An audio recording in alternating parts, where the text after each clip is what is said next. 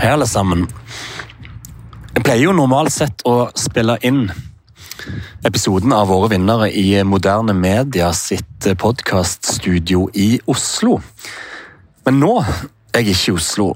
Nå er jeg i Stavanger, for uh, dagens uh, gjest han bor her. Hvis dere hører vinden blåse litt, så er det, så er det vestlandsvinden dere, dere hører. Dagens gjest, det er landslagskapteinen, en av de mest respekterte fotballspillerne i norsk historie. Det er Premier League-kapteinen med nærmere 240 kamper i den øverste ligaen i, i England. Det er bautaen i Midtforsvaret. Det er lagspilleren med stor L. Det er han eh, samfunnsengasjerte typen som vakte tillit og respekt uansett hvor han var.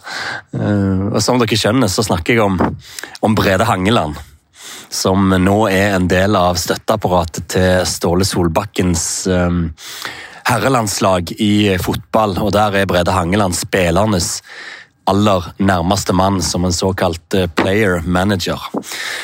Og um, vi skal spille inn um, podkasten i um, et podkaststudio hos uh, TV Vest i Stavanger. Jeg går faktisk akkurat inn døra til det lokalet nå.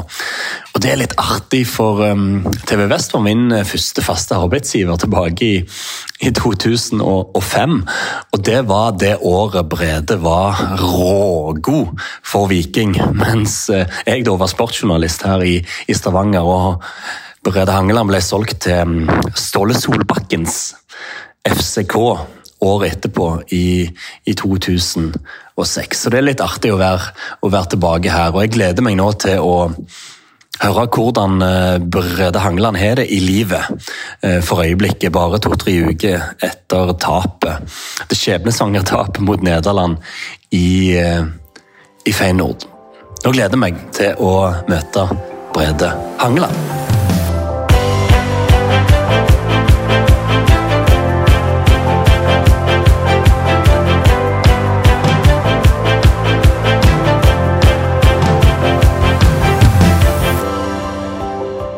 Navn? Brede Hangeland. Idrett? Fotball. Moderklubb? FK Vidar. Første konkurranseminne? Ja, det tror jeg fort kan være en uh, legendarisk finale i Vaulen vårcup mellom Vidar og Vaulen. To uh, sterke lag.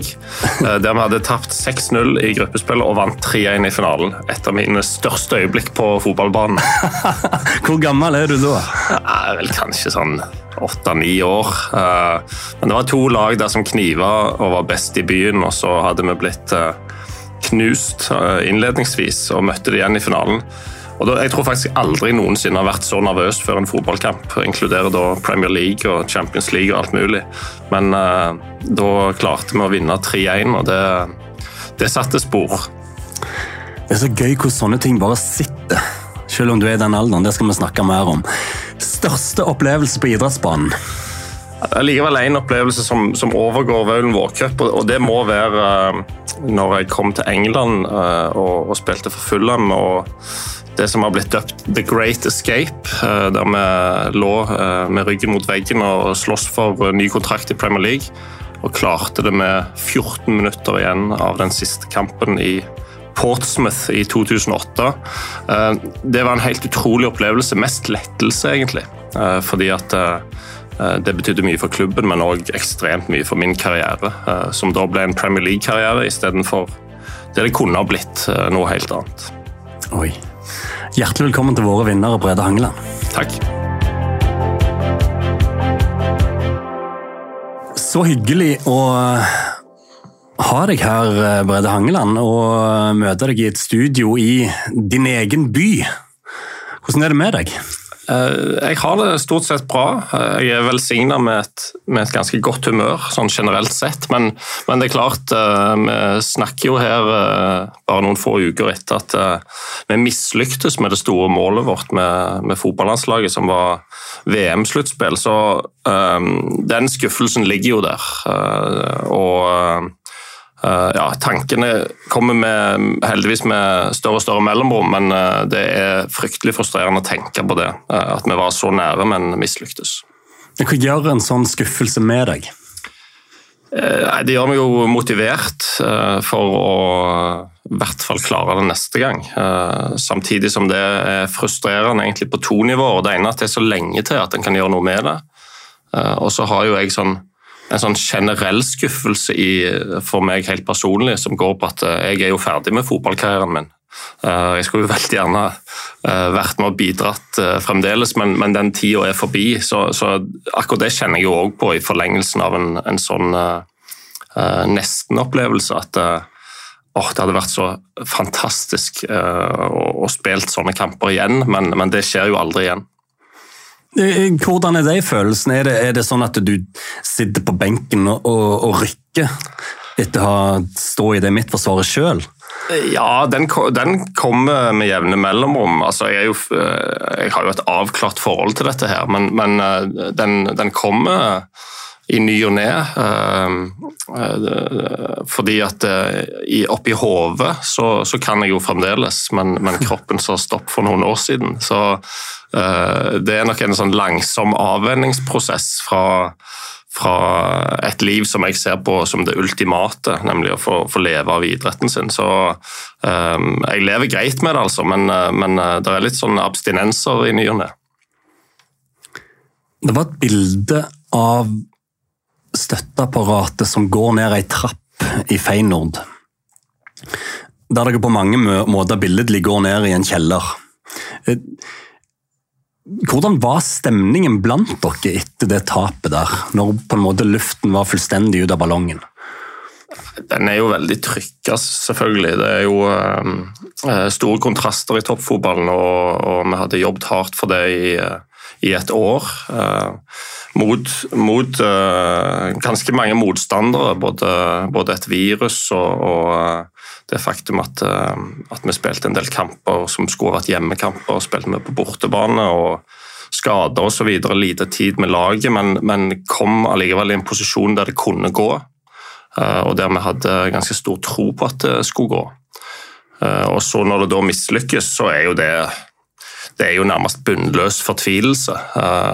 Det er som å gå i kjelleren, mm. altså bokstavelig talt. Så, så, men ok, det går jo noen timer, noen dager, noen uker, og så skjønner du det at det er ikke, kjelleren er ikke noe sted å bli. Så En må jo opp, opp igjen og, og, se fram mot nye ting. Men, men, det er klart det er mørkt, spesielt rett etterpå en sånn opplevelse.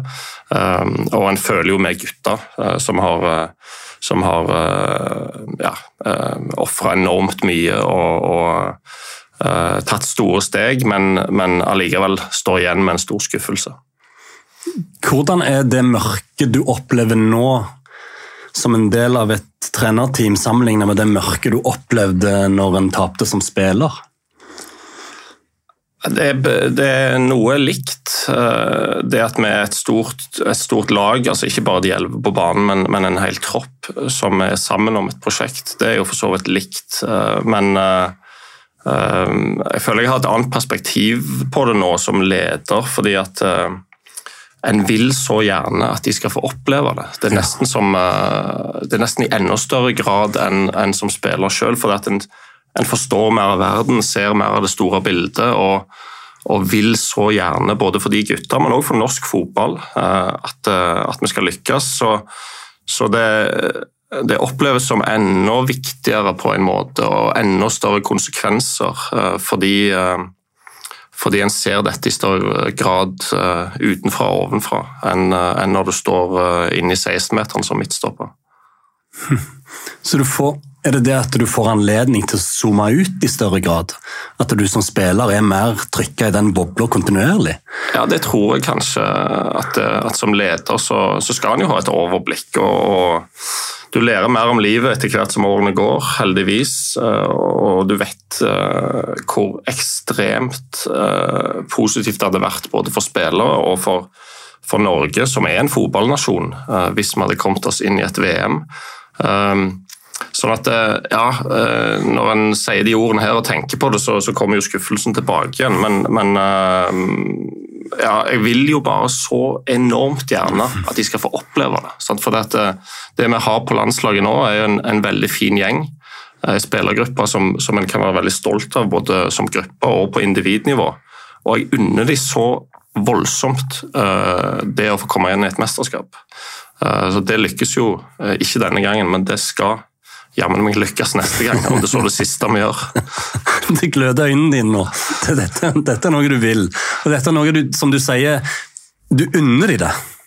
Ja, um, altså Jeg kjenner jo veldig på det etter hvert som en blir eldre sjøl. Um, og spesielt innenfor fotballen, som er det jeg har brukt livet mitt på så langt. at um, det må, det må, knytte litt bånd til folk, uh, som en gjør i et godt lag. At en bryr seg om hverandre, ikke bare i kraft av at de er gode spillere, og sånn, men, men altså du virkelig ser uh, Prøv å se hele mennesket. Uh, så, så, vil jeg de vel. Og jeg vil så gjerne at de skal få oppleve det, for det de har fortjent det. Så, så, vi skal jo ja, snu hver stein i de neste par årene for å sørge for at neste sluttspill blir med Norge. Når du var Premier League-ekspert i TV 2 og får denne telefonen fra om det er Ståle, jeg vet ikke jeg, om dette er noe du kan tenke deg, hva er det som slår deg da? Um, ja, det var Ståle som ringte. Jeg husker jeg satt på et hotellrom i Bergen, og så ringte han. og Det skjer jo ikke så ofte. Uh, så jeg tenkte vel egentlig umiddelbart at nå kan det være at denne muligheten kommer. Eh, og Så hadde vi en kort prat om det, og han sa at eh, eh, du må gjerne tenke litt på det. Men jeg svarte egentlig bare ja med en gang. Du gjorde det? Ja, dette ble jeg med på. Og fordi, fordi at det, det, ligger liksom som en sånn ja, Det ene lille irritasjonsmomentet jeg har i min karriere, det er jo det at, at jeg aldri fikk oppleve et sluttspill med Norge. Brukte ja, mange år av mitt liv på å prøve å få til det, og mislyktes eh, på målstreken mange ganger.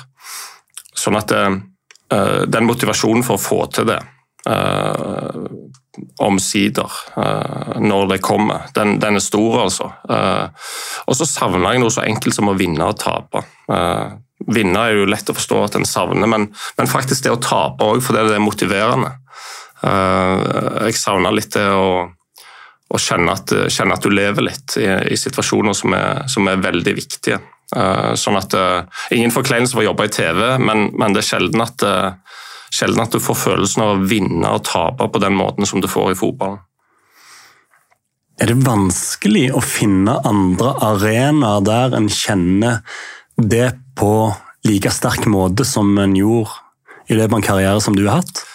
Det tror jeg er umulig. Eh, ja. Og det, det, er jo en av de tingene en må uh, akseptere når, når, en idrettskarriere er over, som jeg egentlig har brukt noen år på, på, på å ta inn over meg nå. og Jeg vet ikke om jeg har gjort det helt ennå, men, men du får jo aldri den følelsen igjen.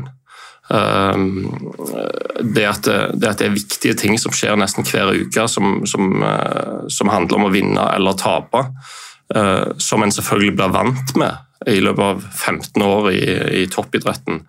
Og så plutselig en dag så er det slutt. Uh, og så er det brød og melk og sykkelturer til skole og, og mm. trening med ungene, som selvfølgelig er viktig i seg sjøl, men, men adrenalinet uh, som, som en får av å gå ut på en bane i England foran 80 000 tilskuere, det er jo helt umulig å gjenskape. og jeg tror at en, en bare må akseptere det, for den, den følelsen kommer ikke igjen. Har det vært vanskelig å akseptere? Nei, ikke egentlig. Jeg, jeg syns jeg har håndtert det på en bra måte, uh, fordi at jeg tenkte godt gjennom det på forhånd. Uh, men det er allikevel sårt, fordi at det, det er jo øyeblikk i, i, livet ditt som mange av de øyeblikkene med adrenalin står jo som noen av de sterkeste og beste. Mm. Uh, og den dagen du henger skoene på, på knaggen for siste gang, så vet du at det er, at det er slutt. Um, og så er dette selvfølgelig et ilandsproblem, men, men uh, uh, en lever jo i sin egen verden. Og i min lille verden så, så vet jeg jo at, uh, at de svingningene der, de, de, får jeg ikke oppleve igjen. Uh, selv om jeg forhåpentligvis bare er halvveis i livet, og det er litt rart å tenke på. Og når du da får denne telefonen fra Ståle, så er det da noen mekanismer inni deg som sier at Ok, her kan det være en flik av dette på gang igjen i livet mitt. Dette Ja. vil jeg være med på. Ja, det er akkurat det. Um, Det er akkurat det. En liten Altså en, en, en, en variant av det. Selvfølgelig ikke så sterkt, for det, det er ikke på banen, men det er muligheten til å være med å påvirke. Og så er det det der, det der brennende ønsket om å uh, være med å hjelpe norsk fotball opp og fram.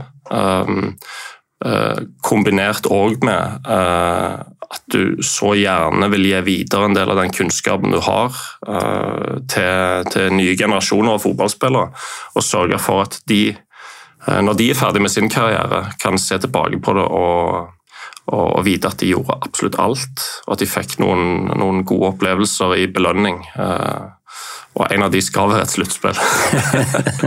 Det, det, det er mye det det handler om.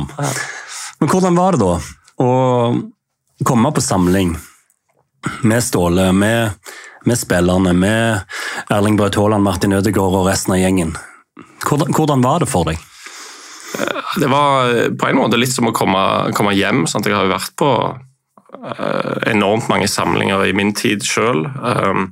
samtidig rart, for at eh, plutselig står du og ser på og, og må liksom finne, finne den rollen. Eh, fordi at jeg har jo alltid vært på det bordet som er spillerbord, og så plutselig er jeg på støtteapparatbordet. eh, og, og plutselig står du utenfor krittet istedenfor innenfor krittet. Så Men det var jo Det gikk jo for så vidt greit å, å håndtere det, men, men litt sånn um, Jeg måtte finne meg sjøl litt på nytt i en, i en ny rolle der. Men, men det, det, var ganske enkelt å komme fram til hva som er jobben der. Og det er um, å prøve å gjøre alle andre så gode som mulig. Uh, gjøre de så sterke som mulig, gjøre de så trygge som mulig.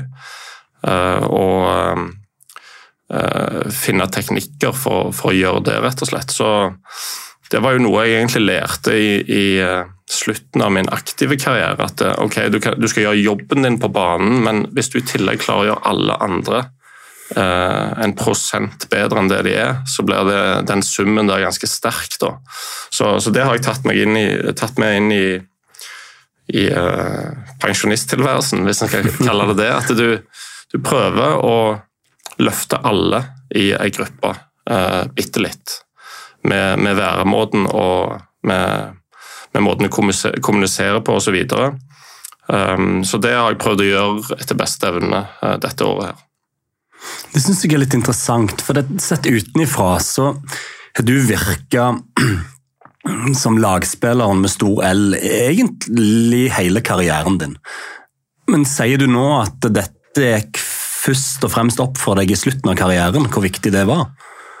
Ja, altså det, ble, det modnes i hvert fall. Og, og, sånn er det jo med oss uh, mennesker. At, at en forstår forhåpentligvis mer og mer av, uh, av både livet og av lagspill etter hvert som blir eldre. Men jeg tror alltid jeg var um, en spiller som var til å stole på, og som uh, ga alt for laget osv. Men, men kanskje på en, på en mer sånn individuell måte i starten av karrieren. Og så gikk det sakte, men sikkert over til at jeg skjønte mer og mer av dette spillet. og og hadde mer og mer energi kanskje til å, til å gi til andre òg. Um, ikke, ikke, bare på banen mellom spillere, men òg på det der menneskelige planet. Det, der, der det viktige spørsmålet er i en sånn prestasjonsgruppe hvordan kan vi, kan vi få folk så sterke som mulig, så trygge som mulig og så ekte som mulig. Fordi at det, det er da folk presterer. Uh, så det, det ser jeg på som en det ser jeg på som min viktigste rolle uh, rundt uh, landslaget nå. Og prøve å legge til rette for at uh, de spillerne, for å bruke et litt forslitt uttrykk, blir den beste utgaven av seg sjøl. Mm. Hvordan er det vært å jobbe på den måten i den gruppa som er nå, der det er ulike individer på ulike plasser i karrieren, og til og med noe så sjeldent som ei verdensstjerne i Norge. Altså, Hvordan er den dynamikken der? Det er jo, um, som på alle andre arenaer, så må en prøve å bli kjent med folk. Og så må en finne ut uh, uh, hvilke ting som trigger dem, uh, hva de trenger, hva de definitivt ikke trenger. Og, og, dette med energi er viktig for meg. Altså, du, når du kommer på en landslagssamling, så er det få dager, viktige kamper. Hvordan kan vi sørge for at de har mest mulig energi? Og så er det sånn at Noen da eh, må konsentrere seg fullt og helt om, eh, om det de skal gjøre, og ingenting annet.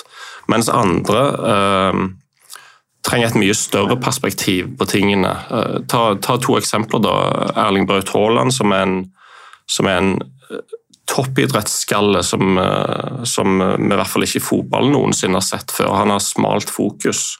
Uh, mens du har på midtbanen en Morten Thorsby som uh, spiller fotball for å prøve å redde verden.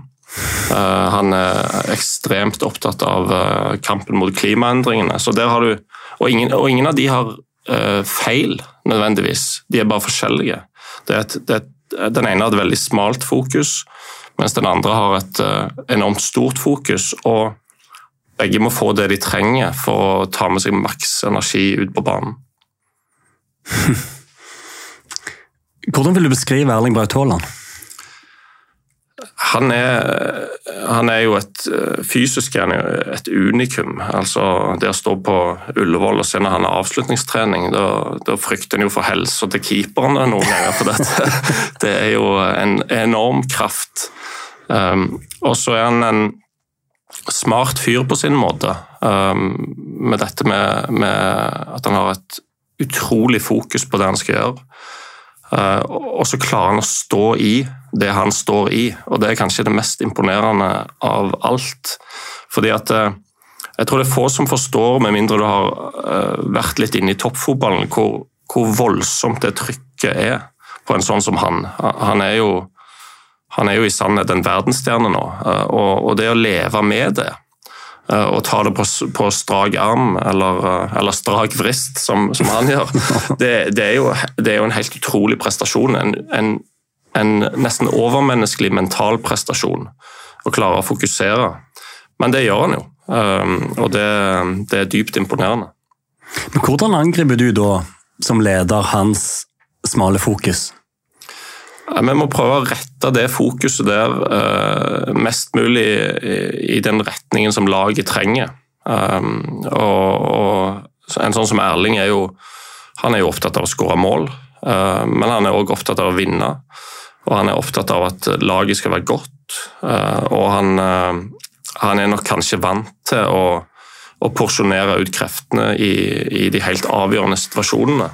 Det, det, får jo noen konsekvenser bl.a. for det taktiske opplegget til landslaget, der, der han må bruke kreftene uh, på, på, en litt mer sånn snever måte enn kanskje en annen spiss uh, i, uh, i, systemet vårt ville ha måttet gjøre.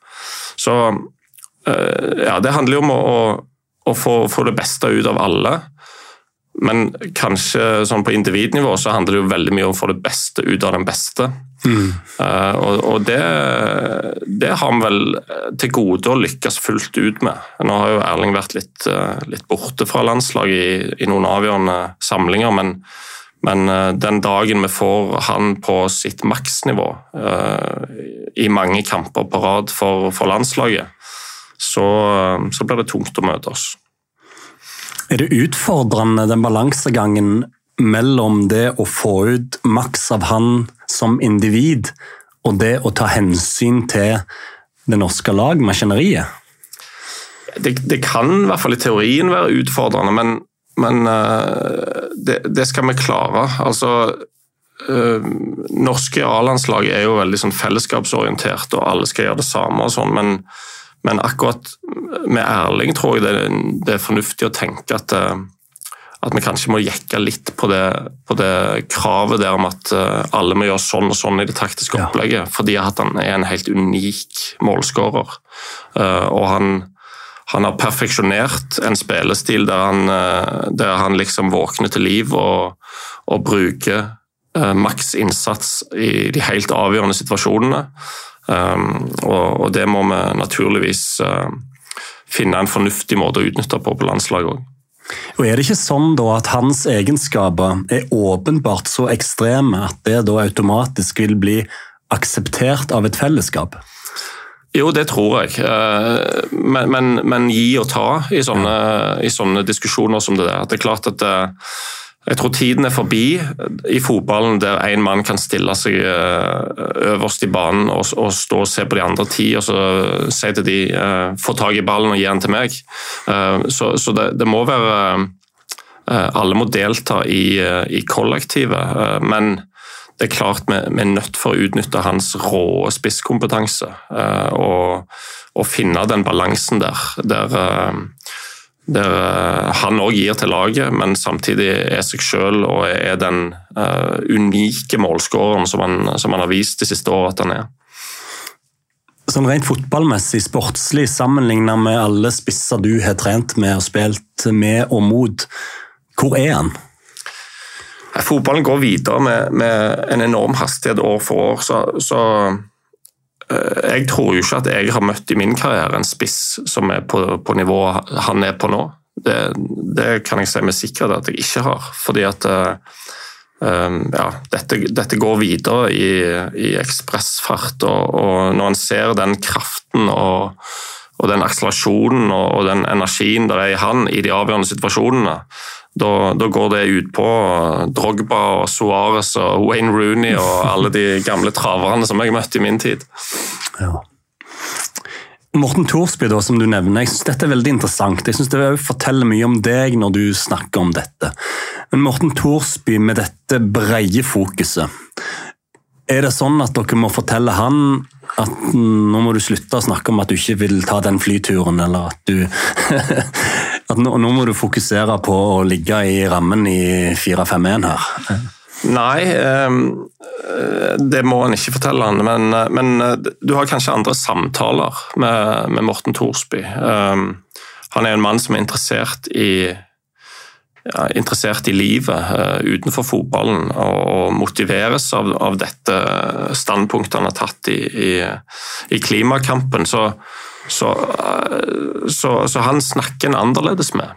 Um, og ingenting, som jeg sa i stad, ingenting av det er rett eller feil, men, men samtalene må være annerledes ut ifra hvem du snakker med. Og, og uh, jeg er veldig opptatt av at det skal være ekte. At, eh, at de, skal, de, skal, kunne være den de er. Alle er fullstendig klar over når de kommer på en landslagssamling at uh, nå handler det om å vinne kampen, som en klok mann en gang sa. Men, men for, å, for, å, vinne den kampen, så, så, så tror jo jeg da på at, uh, at, at de får være den de er, utenom trening og kamp, og at, at de samtalene vi har, er med å bygge de opp. At de kjenner på at at det er godt å være på samling, sånn at de har maks energi når kampen begynner.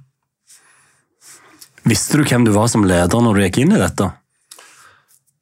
Ja, det tror jeg. Eh, for jeg, jeg, jeg tror jeg har levd på denne måten her som vi snakker om nå i, i mange år. Eh, og, og, det lærte jeg egentlig med, gjennom karrieren min, at, at det fins en, en, måte å behandle eh, både seg sjøl og andre på som, som øker sannsynligheten for, for god energi, uh, for fellesskap og for uh, gode prestasjoner, til syvende og sist. At en kan bygge hverandre opp, rett og slett. og Det er jo det, noe av det jeg syns er kulest med, med toppidretten og med prestasjonsmiljøer. At vi, at vi løfter hverandre opp til, til, å bli, til å bli så sterke som vi kan bli. Ikke på en sånn overfladisk måte, men på en ekte måte. Eh, at vi virkelig bryr oss og virkelig ser hverandre eh, og finne fram til, til det beste i den enkelte. Eh, det er det jeg kaller for magien i fotballen. Da kan den oppstå. Men det krever, det krever liksom en garderobe som ikke er overfladisk, men som er ekte. Og Det syns jeg av mange ting vi er i ferd med å få til på dette landslaget, så det er en av de viktige tingene. Var det utfordrende å få til det med den inngangen dere hadde, med korona og bortebane på hjemmebane og kortere samlinger og mindre døgn sammen, som åpenbart er en viktig ting for å skape samhandling? Ja, eh, helt åpenbart. Altså, for å si det veldig enkelt, du kan jo ikke, kan ikke skape den, den ekte relasjonen mellom mennesker på Teams for eh, vi, begynte jo vårt virke som støtteapparat rundt landslaget på, på Teams. og, og um, det skjønte jeg ganske fort. Det skjønte jeg for så vidt før, før disse Teams-møtene. Men Men for å få fram det beste i hverandre som mennesker, så er vi nødt for å sitte rundt et bord og snakke med hverandre ansikt til ansikt. Disse digitale hjelpemidlene kan være bra, de, for all del, men du får ikke til, du får ikke til den der trygge, gode relasjonen uh, som igjen kan gi en god prestasjon hvis en ikke tilbringer tid sammen uh, fysisk og blir kjent med hverandre uh, på, en ordentlig måte. Så, så, det var utfordrende dette året, virkelig. Og jeg tror en av grunnene til at det gikk ganske mye bedre etter sommeren, var at da hadde vi hatt litt tid. Men det var rart å møte opp i, i Spania i mars og skulle spille tre VM-kvalikkamper på syv dager. Og aldri hadde møtt en del av gutta før, faktisk. Det var utfordrende. det er jo helt absurd. Ja, det er det, men det, det er sånn verden var. og der, er jo en, et annet av disse eh, en, en annen viktig regel i, i, i toppidretten, men òg i livet uh, generelt, det er jo å fokusere på det du kan gjøre noe med. Sant? det var et virus, ingen kunne reise, og vi møttes uh, for første gang med altfor kort tid. Så kan du sitte og sutre over at sånn er det, men det hjelper jo ingenting. En må, må prøve å gjøre det beste ut av situasjonen. Du snakker mye om relasjoner. Relasjonen din til Ståle Solbakken, den kommer jo fra før nå. Han var jo den første spilleren han henta Du var den første spilleren han henta til FCK. Hvor mye hadde det å si for valget ditt, at det er Ståle Solbakken nå som er hærfører? Det, det, det, hadde avgjørende betydning. Altså, jeg hadde nok vært veldig interessert i en sånn type rolle uansett. fordi at uh, Kjærligheten til norsk fotball og, og ikke minst til A-landslaget den er sterk uh, og god. Men, men, Ståle er jo en av de lederne som jeg har hatt som jeg respekterer mest. Han, han, er et Hvorfor det? Ja, han er, han er jeg snakker mye om å være ekte. Eh, og Jeg tror ikke jeg vet om et mer ekte menneske enn Ståle Solbakken. Han uh, sier det som det uh, og, og, er seg selv i alle situasjoner. Og, og, Det er ganske interessant når du ser på topptrenere. Det er ofte et sånn perspektiv å vurdere dem. Du kan se på en, på en topptrener som har en pressekonferanse eller står i en intervjusituasjon osv. Så, så kan du stille deg spørsmålet er han ekte nå, eller driver han skuespill. Eh, og, og, Min påstand vil jo være at veldig mange driver med skuespill i mange sammenhenger, men, men Ståle er en av de eh, få jeg vet om som, som eh, fremstår veldig ekte, og er veldig ekte i alle sånne Kall det jobbsituasjoner, enten det er garderoben eller på benken eller i et møte, eller når han snakker med media. Og, og Det som er konsekvensen av å være ekte, er at du bruker ikke unødvendig energi. Sant? Eh, og det er en annen ting med Ståle. Han har en enorm energi. Og det tror jeg, eh, tror jeg er fordi at han tar situasjoner på strak arm eh, og bare håndterer det på, den, på en måte som han syns er god, og så er det videre til neste. Og Det syns jeg er inspirerende. Jeg syns det er lærerikt å, å, få være med og se det igjen på nært hold. Det var fantastisk å se det på nært hold i, i FC København et par år, men eh, jeg vil gjerne se det igjen. Eh, og eh, har ikke angra. For han var den ekte Solbakken i 2006 som han er nå? Ja, definitivt. Det, var, det, var, fantastisk for meg å, å få lov å komme til, til FC København i i en periode der det kanskje var Skandinavias beste klubb. Eh, og Vi spilte Champions League og vant serien og vant cupen og vant til og med Royal League. en av få som har den på, på rullebladet. Men, ja. men, eh, det å ha en sånn trener som du, som du har full respekt for fotballfaglig, men òg menneskelig, eh, det, det, var viktig for meg i, i min karriere. Og, og, og Ståle var, var, nok den beste jeg opplevde, sammen med Roy Hodgson i, i Fulham. Um, at du virkelig ser opp til uh, treneren. Uh, fordi han kan uh, mer fotball, og, og, han kan mer om han kan mer om livet, rett og slett. Altså, det, er jo, det er jo sånne vi vil lære av. Jeg vil høre litt mer om karrieren din nå. for det. Og Der er Ståle Solbakken. Han sa jo, da du la opp, så sa han at Brede Hangeland er et eksempel på hvordan vi kan få maks ut av talentet og karrieren ved å ta de riktige valgene, ved å planlegge karrieren, ta steg for steg og trene. Han har gjort alt riktig hele veien. Hva tenker du når han sier noe sånn? Nei, Fine ord. eh, Og så kan jeg jo eh, Han har jo for så vidt rett. Jeg skal være så, jeg skal være så um, Ikke ydmyk at jeg skal innrømme det. Um, Ja, du, må være, synes- du må være ekte. Ja, ja må, du må være ekte. Og det, um, jeg var veldig seriøs som fotballspiller, og jeg er ekstremt fornøyd med karrieren min. Um, og det, det er ikke mange ting jeg ville endra på, egentlig. Jeg ville endra på de to siste minuttene i Europacupfinalen, men, eh, men ellers eh, ikke så mye. Eh, Men jeg, jeg følte meg alltid Uh, utrolig heldig som fikk spille fotball. Jeg husker at jeg tenkte det, var bevisst på det i hverdagen. Husk nå på hvor heldig du er, og sørg nå for å gjøre dette ordentlig. Altså, Du får betalt for å spille fotball. Da er du, da du programforplikta til å i hvert fall gjøre absolutt alt det du kan for, eh, for at klubben din eller, eller landslaget ditt eh, skal nå målene. Fordi at, det- fordi at det, er et, eh, det er et eventyrliv å få lov å være proff.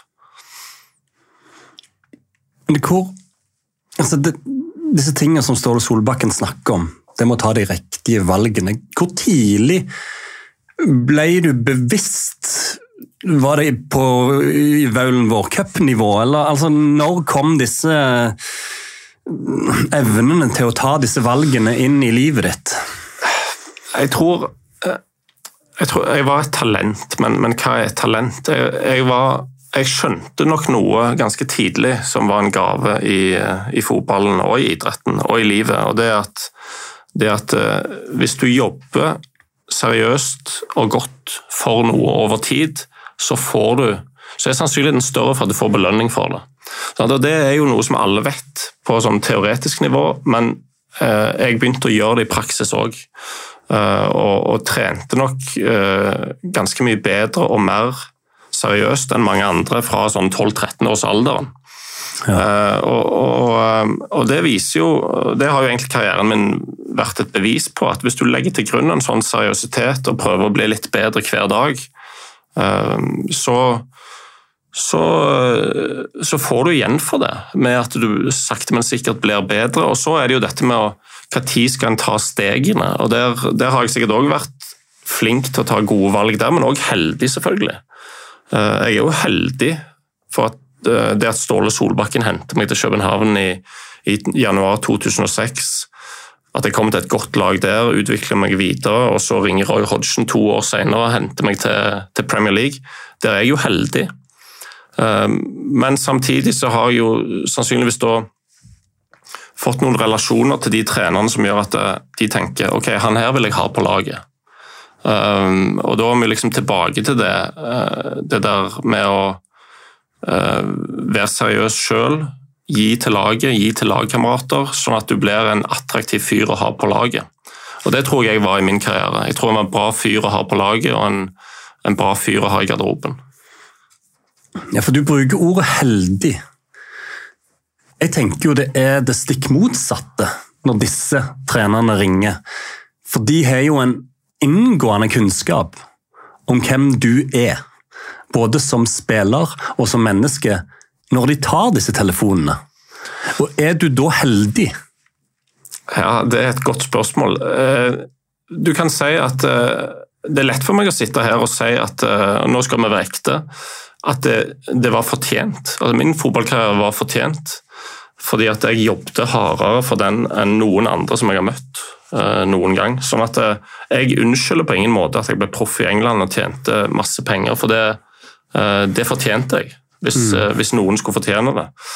Men samtidig så kan en jo, når en er i det gamet, kjenne på at en er heldig som, som får oppleve det.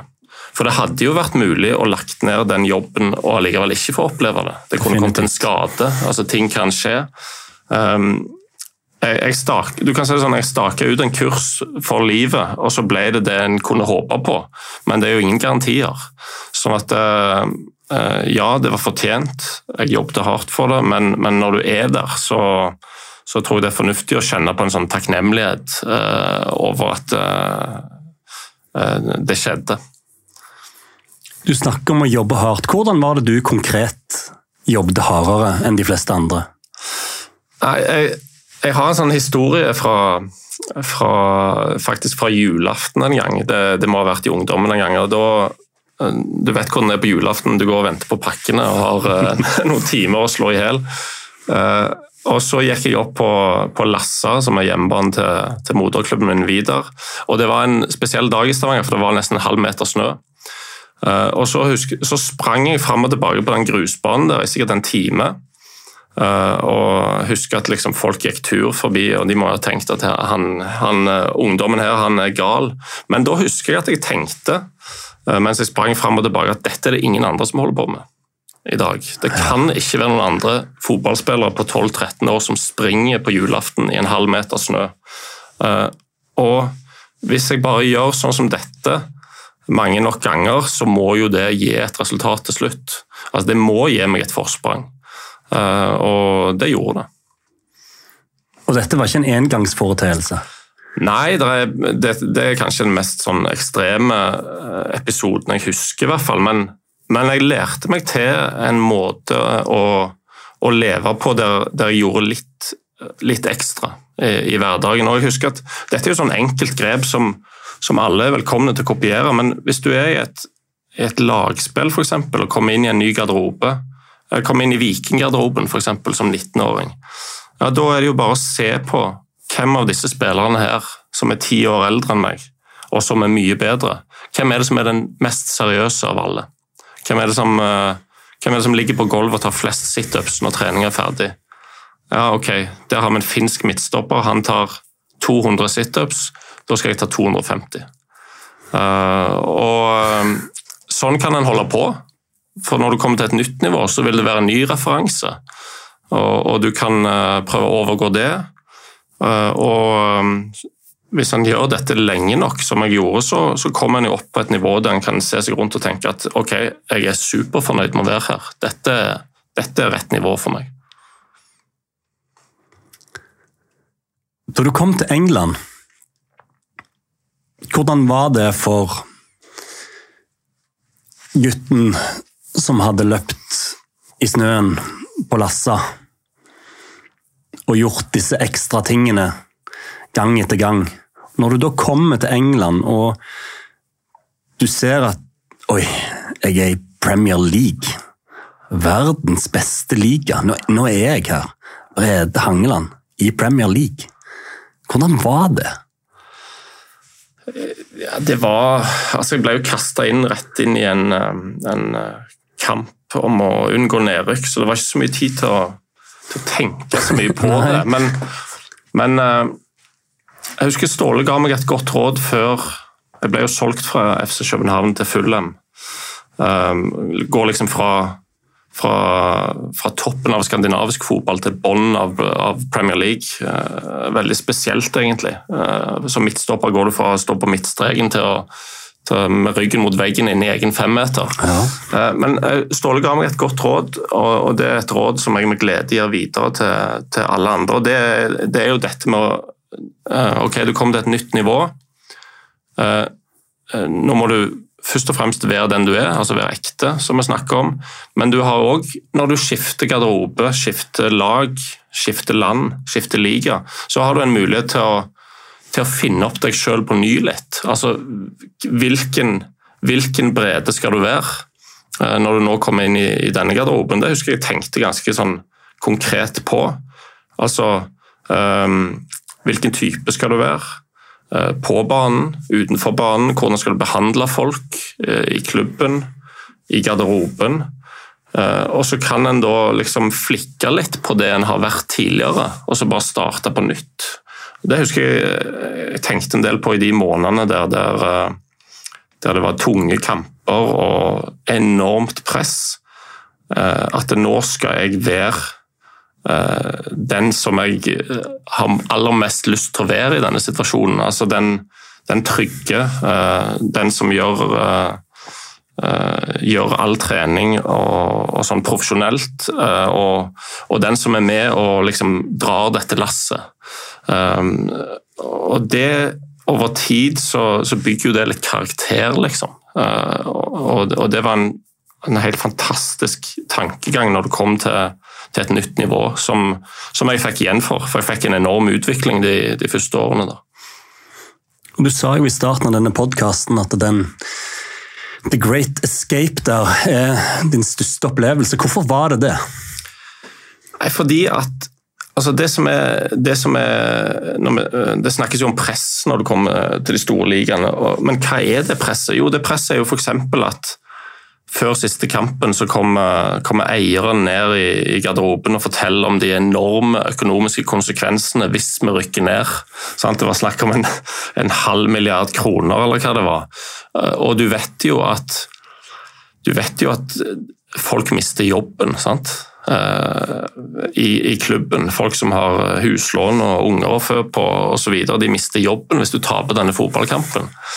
Så, så, så det, det, er jo et, eh, et, tungt press å leve med. Samtidig, samtidig så kjenner du, kjenner du, virkelig at du lever når, når, du skal spille sånne kamper. Så for å svare på spørsmålet altså når, når Danny Murphy header inn et frispark 14 minutter før slutt, og vi må vinne altså De 14 minuttene der er jo de lengste 14 minuttene i livet. For det det, det staker ut en retning, altså nedrykk kontra ikke nedrykk. Både for, for klubben og, og, for meg personlig. Så, så, den lettelsen altså Det var ikke glede, det var lettelse.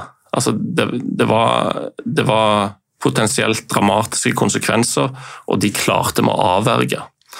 Så, så, det er nok eh, Ja, det var mitt største øyeblikk på, på fotballbanen. Altså unngå unngå de negative konsekvensene er, er bedre enn å vinne noe, altså. Rett og slett. Hvorfor tror du det er sånn?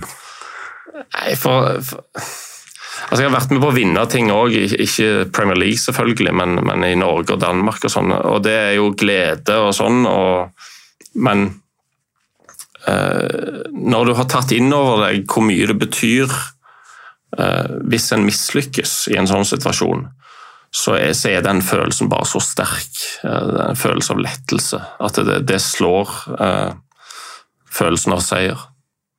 Hm. Som du sa tidlig i podkasten, så gjorde jo dette Det la jo grunnlaget for et liv i Premier League for deg.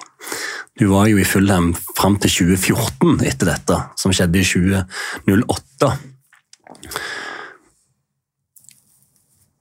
Og Året etter 2014 så var jeg og besøkte deg i Crystal Palace som NRK-reporter. Det er mye jeg husker fra den, det besøket. Disse mye omtalte togturene, selvfølgelig, som det var mye snakk om. Mens de andre kjørte sine flotte biler, så tok du toget. Men det jeg husker best, var da du tok meg med inn til materialforvalteren, til The Kit Man. Og så sa du at eh, her passer jeg på å gå inn ofte. Dette er en viktig mann i klubben. Eh, jeg tjener nesten mer i uka enn han gjør på et år. Hvor kom de tankene derfra, midt i en karriere?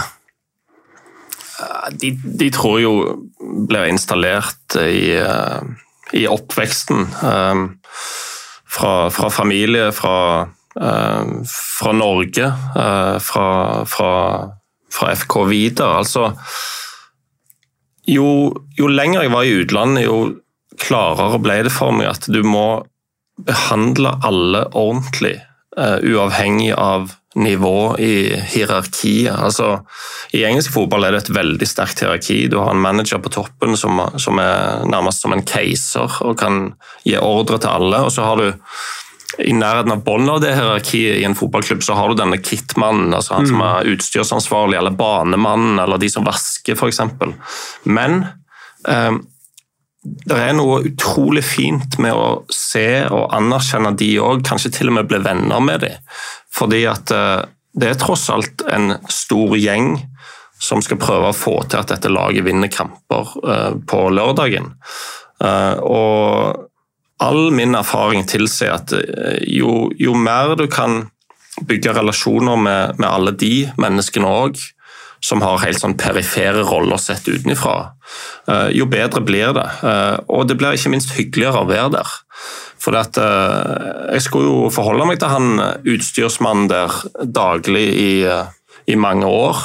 Eh, så hvorfor skulle ikke meg og han bli venner? Det, det, jo, det, gjør jo tingene mye lettere. Og det løfter jo opp folk. sant?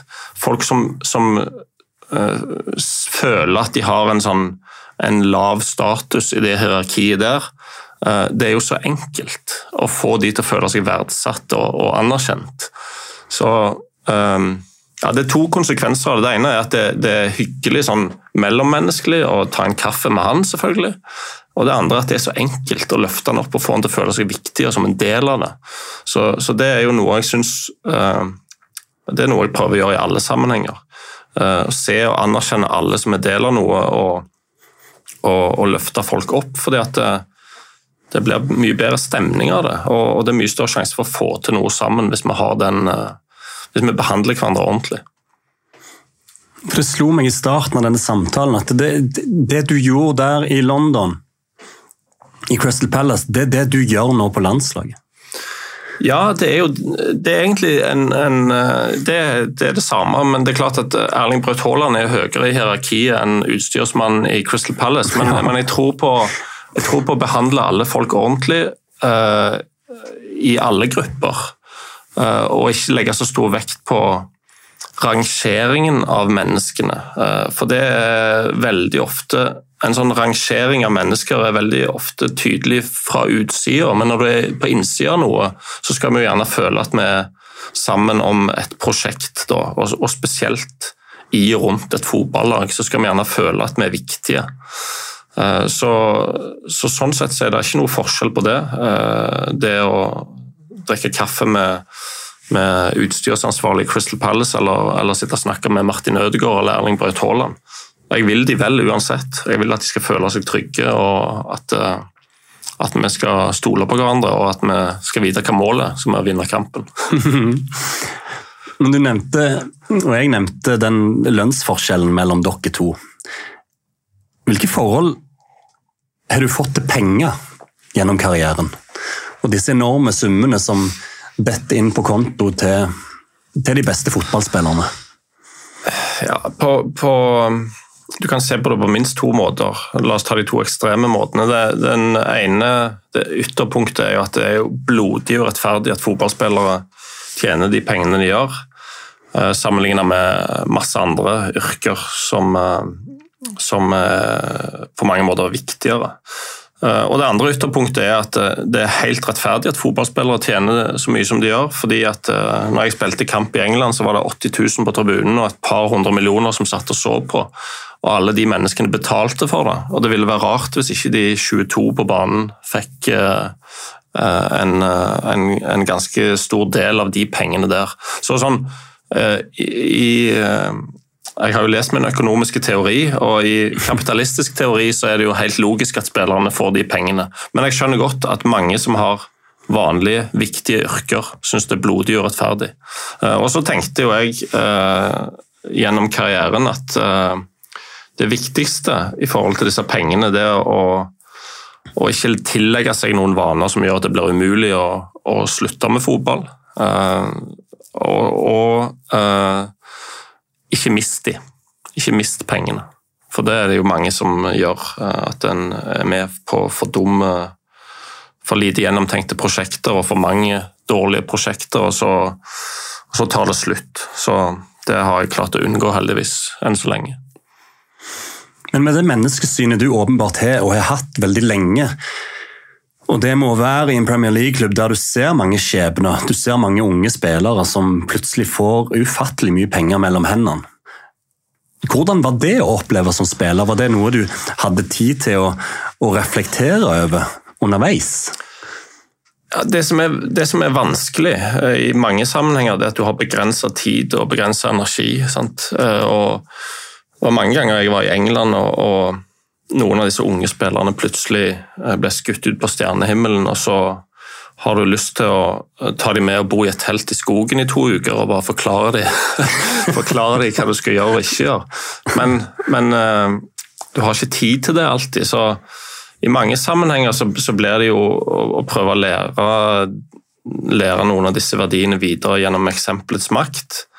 Men, eh, men eh, jeg har jo mange, mange, sånne erfaringer med Jeg skulle ønske at jeg stilte opp mer for han og han eh, i den og den situasjonen. Og da spesielt med unge spillere, som, som gjerne gjorde en del feil som de kunne ha unngått hvis noen hadde vært tettere på dem. Var det noen gang sånn at du hadde disse samtalene som du nå har med landslagsgutter, med lagkamerater?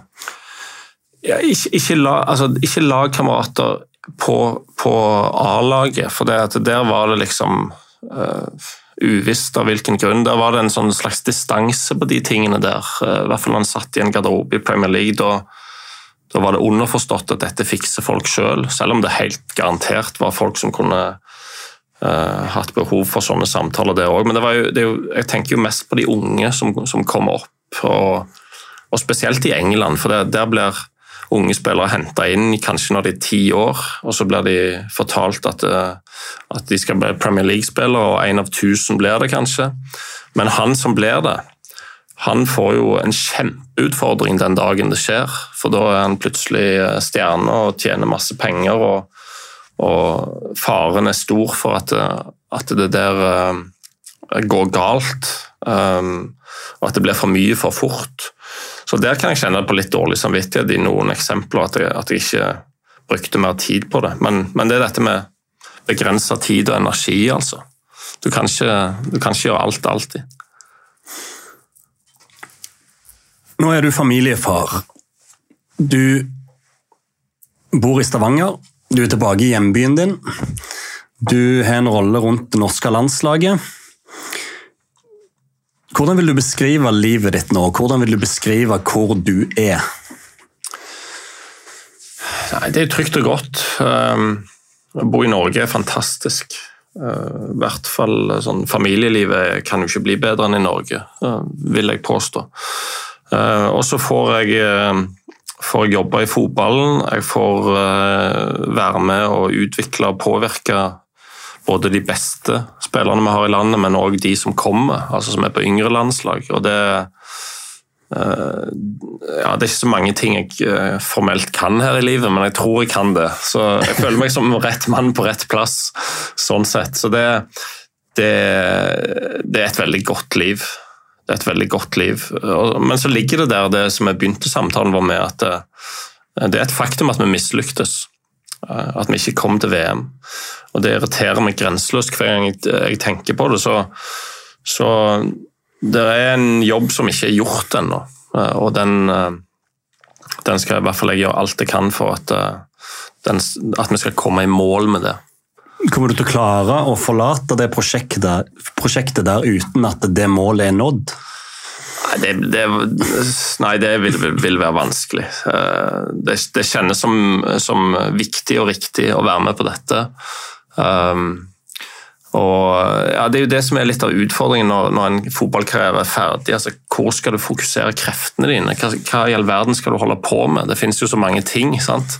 Men, eh, men dette føles som, som, riktig og viktig. Så, så uh, enn så lenge så er jeg på, på den veien jeg skal være. Hva tror du er det viktigste du og Ståle Solbakken og resten av teamet deres kan gjøre nå framover for å realisere denne nødvendige drømmen? Det er mange små ting, selvfølgelig. Det, det optimaliserer alt. Men, men, en av de viktigste tingene for min del, det som jeg prøver å forklare uh, landslagsspillere, uh, det er at når du er ferdig med fotballkarrieren din, så, så står det du gjorde på landslaget igjen som, som uh, det viktigste Eh, og det du husker best, og det som betydde mest, fordi at eh, du flytter jo hjem og bor i Norge. Eh, det ser en jo veldig tydelig når en er ferdig, men du ser det ikke så tydelig når du er midt oppi det. For da har du en, en, klubbkarriere, og det er der du tjener pengene dine, og det er der du spiller flesteparten av kampene, og det er der du bor, til og med. Men når du flytter hjem og er ferdig, så står liksom landslaget som en sånn fyrtårn i en, i en karriere. Uh, og uh, det er min jobb å forklare dem at sånn er det. er det et irritasjonsmoment at uh, du aldri førte landet ditt til et mesterskap som kaptein? Ja, når, når, når, du sier det og jeg tenker på det, så er det et irritasjonsmoment. Samtidig så er jeg innstilt veldig sånn at um, vi lever nå. Uh, og, og det, det, gir jo ingen mening å sitte og, og sutre over ting som skjedde i fortida. Uh, vi kan gjøre noe med situasjonen her og nå, og så kan vi gjøre noe med situasjonen i framtida. Uh, hvis jeg kunne endre på noe i min fotballkarriere, så hadde det jo selvfølgelig vært nettopp det. Et VM eller et EM med Norge. Men, men det skjedde ikke. Men det kan skje nå. i en annen rolle. Men hvis vi klarer det, så skal jeg bli minst like glad som det jeg hadde blitt som spiller. Er det noe det norske folk ikke vet om Brede Hangeland? Ja, Det er jo sikkert masse, men uh, jeg er egentlig av natur en, en uh, ganske sånn introvert type, til tross for alt det vi har snakket om her. trenger masse tid for meg sjøl.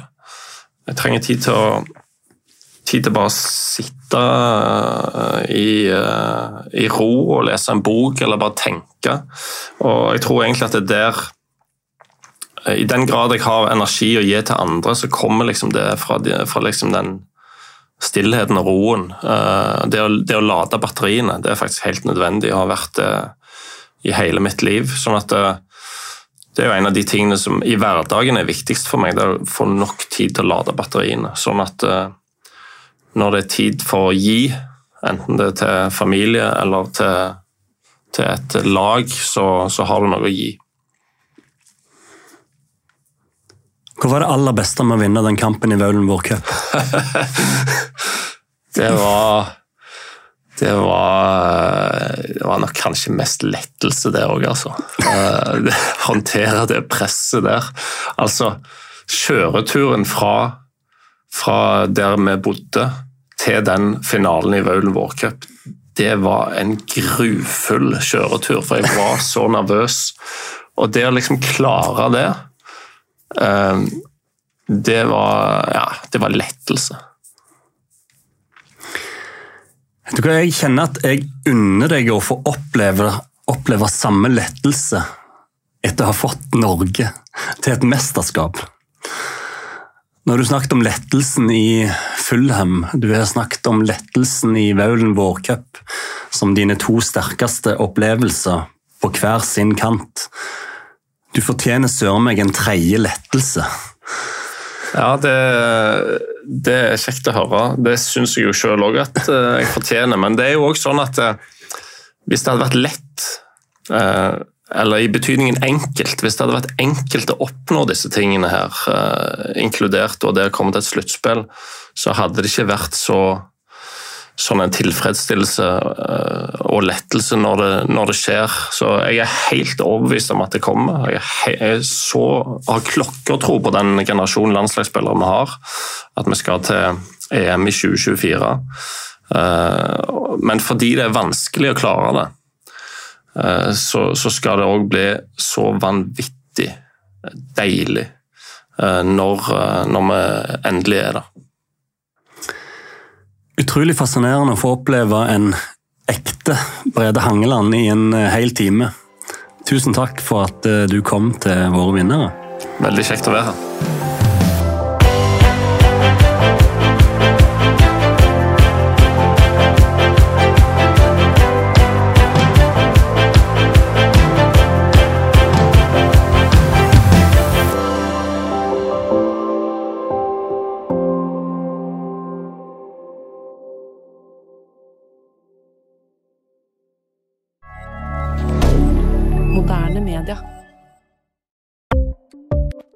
Ukens annonsør er Folio, en smartere banktjeneste for deg som har en egen bedrift eller ønsker å starte for deg selv.